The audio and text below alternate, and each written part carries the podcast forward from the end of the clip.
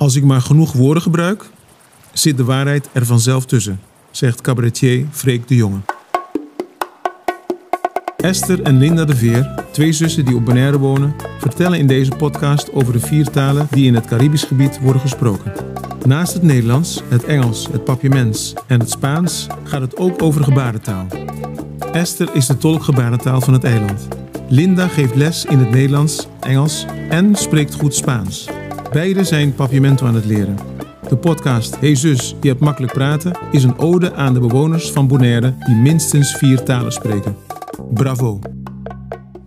Hey zus! Ooit was ik een Engelse gids op Curaçao en vertelde ik vaak aan de passagiers in de bus dat er blauwe en smaragdgroene kolibries op het eiland zijn te vinden die wel 80 keer per seconde met hun vleugels slaan om te blijven waar ze zijn. De Amerikaanse toeristen gaapten me dan aan en ik dacht dat ze onder de indruk waren van mijn feitenkennis.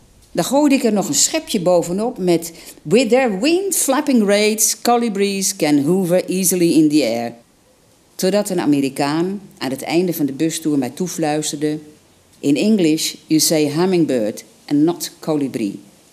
Rood van schaamte bedankte ik hem voor de tip en ik kon mezelf voor de kop slaan dat ik er gemakshalve van uit was gegaan dat kolibri ook een Engels woord was.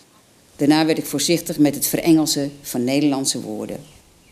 Als ik papiaments probeer te praten, komt mijn slechte gewoonte van vroeger weer naar boven. Als ik een woordje niet weet, steel ik het uit een andere taal. Er zijn namelijk veel Nederlandse, Spaanse en Engelse importwoorden te vinden, die dan met een beetje andere uitspraak te begrijpen zijn voor papiamentstaligen.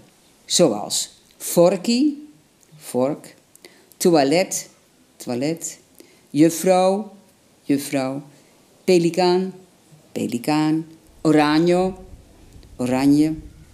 Verreweg komen nieuwe woorden uit een andere taal overwaaien, maar soms ontstaan woorden spontaan door een uitvinding of een nieuwe gebeurtenis. Ik kan me zo voorstellen dat het verschijnsel COVID ook schuldig is aan veel nieuwe woorden, zoals niesschaamte, anderhalve meteren en ellebooggroet.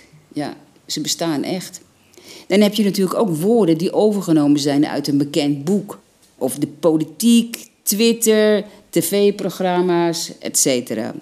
Het woord regelneef heeft jaren geleden zijn weggevonden naar het woordenboek. En het hoorde ik voor het eerst in het satirische televisieprogramma van Cote en de Bie.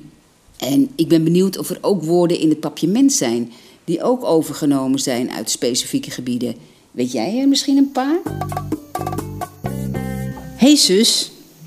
Nou, ik weet niet zoveel over woorden die zijn overgenomen uit specifieke gebieden.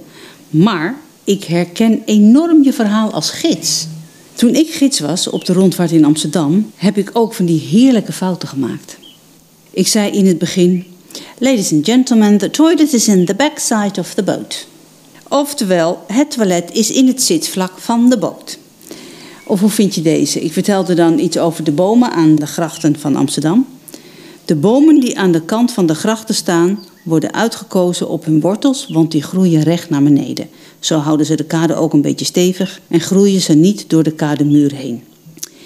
Ik wist echt in het Frans niet wat wortels was. Behalve dan die je eet, carotte.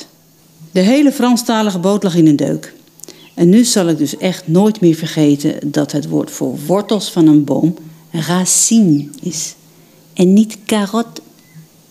Weet je wat ik een mooi COVID-woord vind in Papiamentum? Plama.